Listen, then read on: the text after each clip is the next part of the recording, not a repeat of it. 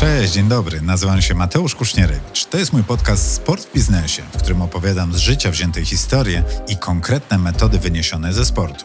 Mogą być dla Ciebie ciekawą inspiracją, zarówno w biznesie, jak i w życiu prywatnym.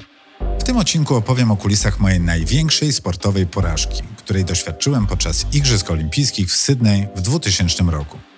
Wnioski, jakie wspólnie mam nadzieję z tego wyciągniemy, mogą okazać się bardzo cenne i przydatne w naszych przyszłych działaniach.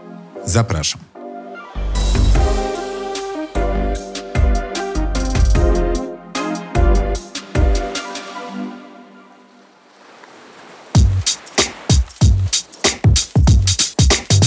Igrzyska w Sydney leciałem jako główny faworyt do olimpijskiego złota. Byłem wtedy aktualnym mistrzem olimpijskim z Atlanty, mistrzem świata i mistrzem Europy. Pamiętam te nagłówki gazet Wyborcza, Rzeczpospolita, Przegląd Sportowy pisały Korzeniowski, Kusznierewicz i Jędrzejczak, bo Tylka wtedy bardzo dobrze pływała, to nasi główni faworyci do złotych medali olimpijskich w Sydney.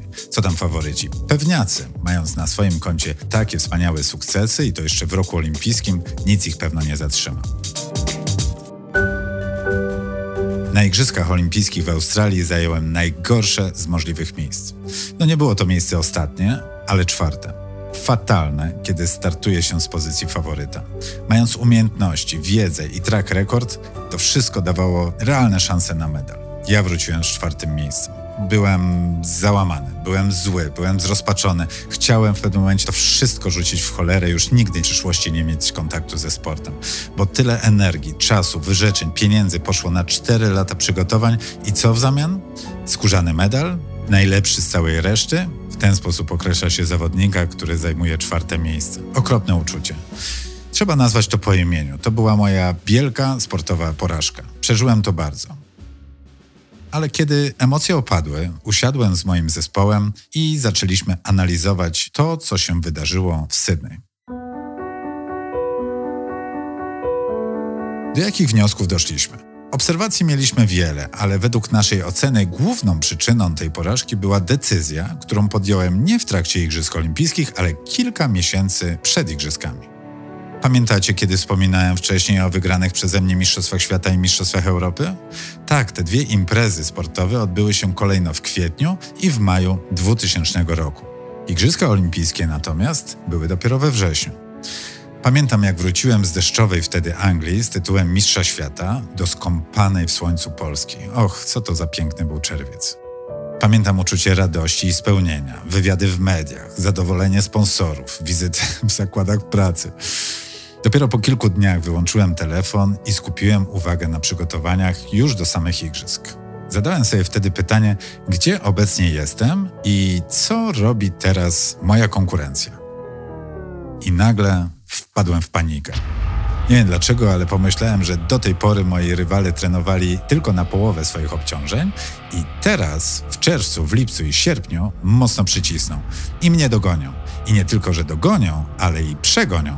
Wyobraziłem sobie wyścig kolarski, odrywającego się w pewnym momencie od peletonu uciekiniera, którego tuż przed metą peleton dogania, pochłania i na mecie ten śmiałek nie ociera się nawet o podium. Wpadłem w panikę. Naprawdę byłem wtedy przestraszony, wręcz przerażony.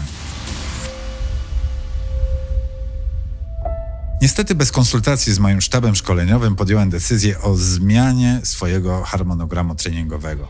Myśląc, że skoro moja konkurencja zacznie teraz więcej trenować, to ja muszę zrobić to samo i też muszę więcej trenować.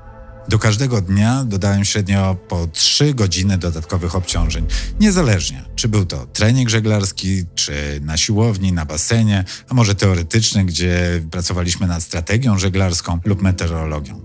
I to był, słuchajcie, mój największy błąd. Największy błąd, jaki mogłem wtedy popełnić. Zamiast robić swoje, trenować 8-9 godzin dziennie, to ja trenowałem po 11-12 godzin. Chciałem po prostu utrzymać przewagę nad konkurentami. I niestety nie zostawiłem sobie czasu ani przestrzeni na odpoczynek. Tak ważny odpoczynek, na regenerację.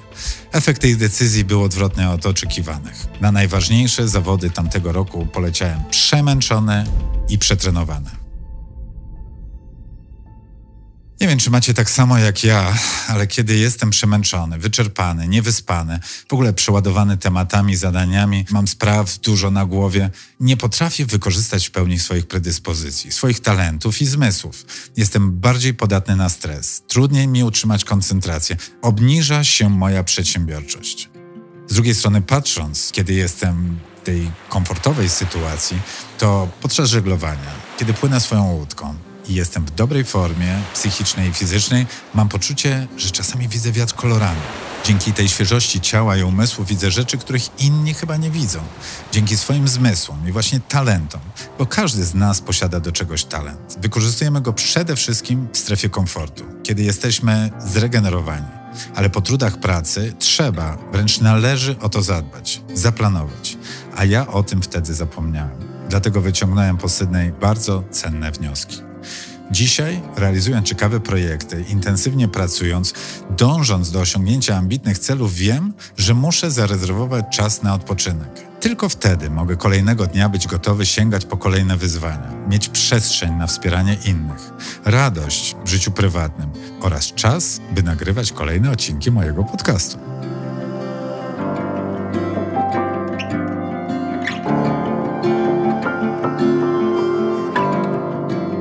Dziękuję, że byliście ze mną do końca.